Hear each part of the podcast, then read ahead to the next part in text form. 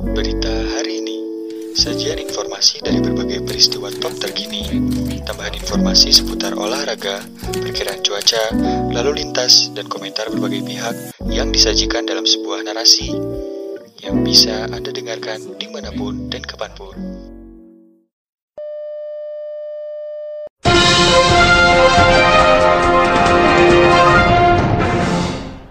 Berita hari ini datang dari dunia nasional. Kuartal pertama tahun 2021 ini diwarnai sejumlah kabar mengenai penghasilan para pekerja. Ada kabar menggembirakan tetapi ada pula kabar buruk. Kabar baiknya kebijakan insentif pajak berupa pembebasan pajak karyawan tetap dilanjutkan pada tahun 2021 ini. Artinya gaji yang diterima para pekerja bisa bertambah lantaran tidak dipotong pajak. Menteri Keuangan atau Menke Sri Mulyani menegaskan kebijakan ini merupakan bagian dari program pemulihan ekonomi nasional atau PEN 2021 terutama untuk masyarakat terdampak pandemi COVID-19.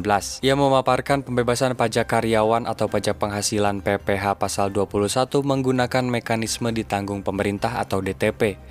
Pembebasan Pembebasan pajak ini berlaku bagi pegawai dengan penghasilan bruto di bawah 200 juta rupiah per tahun sesuai klasifikasi sebagaimana diatur di Peraturan Kementerian Keuangan atau PMK. Tujuannya mendorong daya beli memenuhi impor bahan baku produksi untuk sektor yang masih terdampak pandemi COVID-19, membantu arus kas perusahaan agar kembali melakukan aktivitas usaha. Terang Sri Mulyani dikutip dari Kompas Rabu 3 Februari 2021. Untuk kebijakan insentif fiskal kami akan dorong pertumbuhan ekonomi ekonomi dan kegiatan dunia usaha dengan memberikan insentif perpajakan untuk memperbaiki dan dukung peningkatan iklim investasi kondusif, kata dia. Dengan demikian, karyawan yang memiliki NPWP dan penghasilan bruto yang bersifat tetap dan teratur yang disetahunkan tidak lebih dari 200 juta rupiah pada sektor-sektor ini akan mendapatkan penghasilan tambahan dalam bentuk pajak yang tidak dipotong pemberi kerja, tetapi diberikan secara tunai kepada pegawai. Sedangkan pemberi kerja yang mendapat fasilitas ini wajib menyampaikan laporan bulanan realisasi PPH pasal 21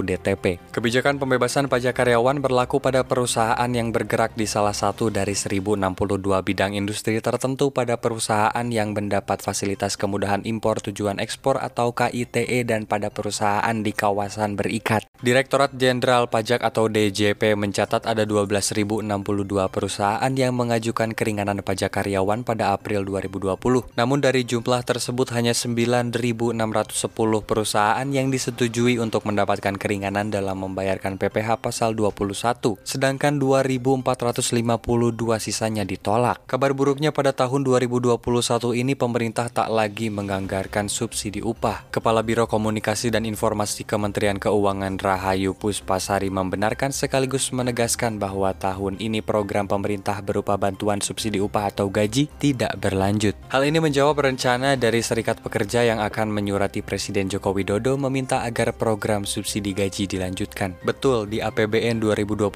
tidak ada lagi subsidi upah, kata dia saat dihubungi Kompas.com Rabu 3 Februari 2021. Dia menjelaskan anggaran negara yang dipersiapkan tahun ini hanya diperuntukkan jaringan perlindungan sosial untuk golongan masyarakat 40% terbawah. Adanya perlindungan sosial untuk kelompok 40% terbawah kayak subsidi bantuan langsung tunai BLT desa sembako itu masih ada ujarnya. Hal senada diungkapkan Menteri Ketenagakerjaan Ida Fauziah dia bilang BSU untuk 2021 tidak mendapatkan jatah alokasi dari APBN 2021. Meski begitu pihaknya masih menantikan kelanjutan dari program bantuan subsidi upah tersebut dari Menko Bidang Perekonomian sekaligus Ketua Komite Penanganan COVID-19 dan Pemulihan Ekonomi Nasional KPCPN Erlangga Hartarto. Kami masih menunggu sementara memang di APBN 2021 tidak dialokasikan, ucap Ida di Jakarta Senin 1 Februari 2021. Ida menjelaskan bantuan subsidi upah ini pasti akan berlanjut asalkan tergantung dari situasi dan kondisi perekonomian nasional tahun ini. Nanti kami lihat kondisi ekonomi berikutnya. Menaker sebelumnya melaporkan untuk termin pertama penyaluran dengan rentang waktu bulan Agustus hingga Oktober 2020, realisasinya mencapai 12,29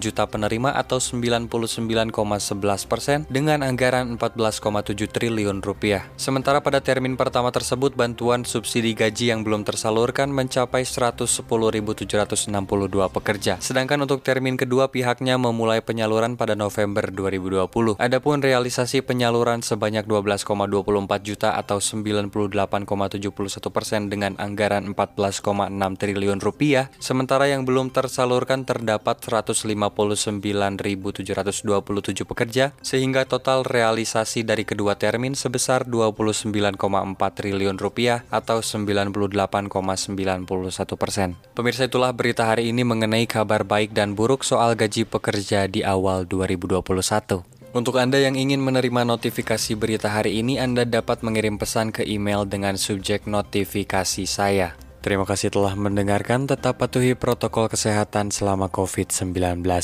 Saya Zaid pamit undur diri, sampai jumpa di berita-berita berikutnya.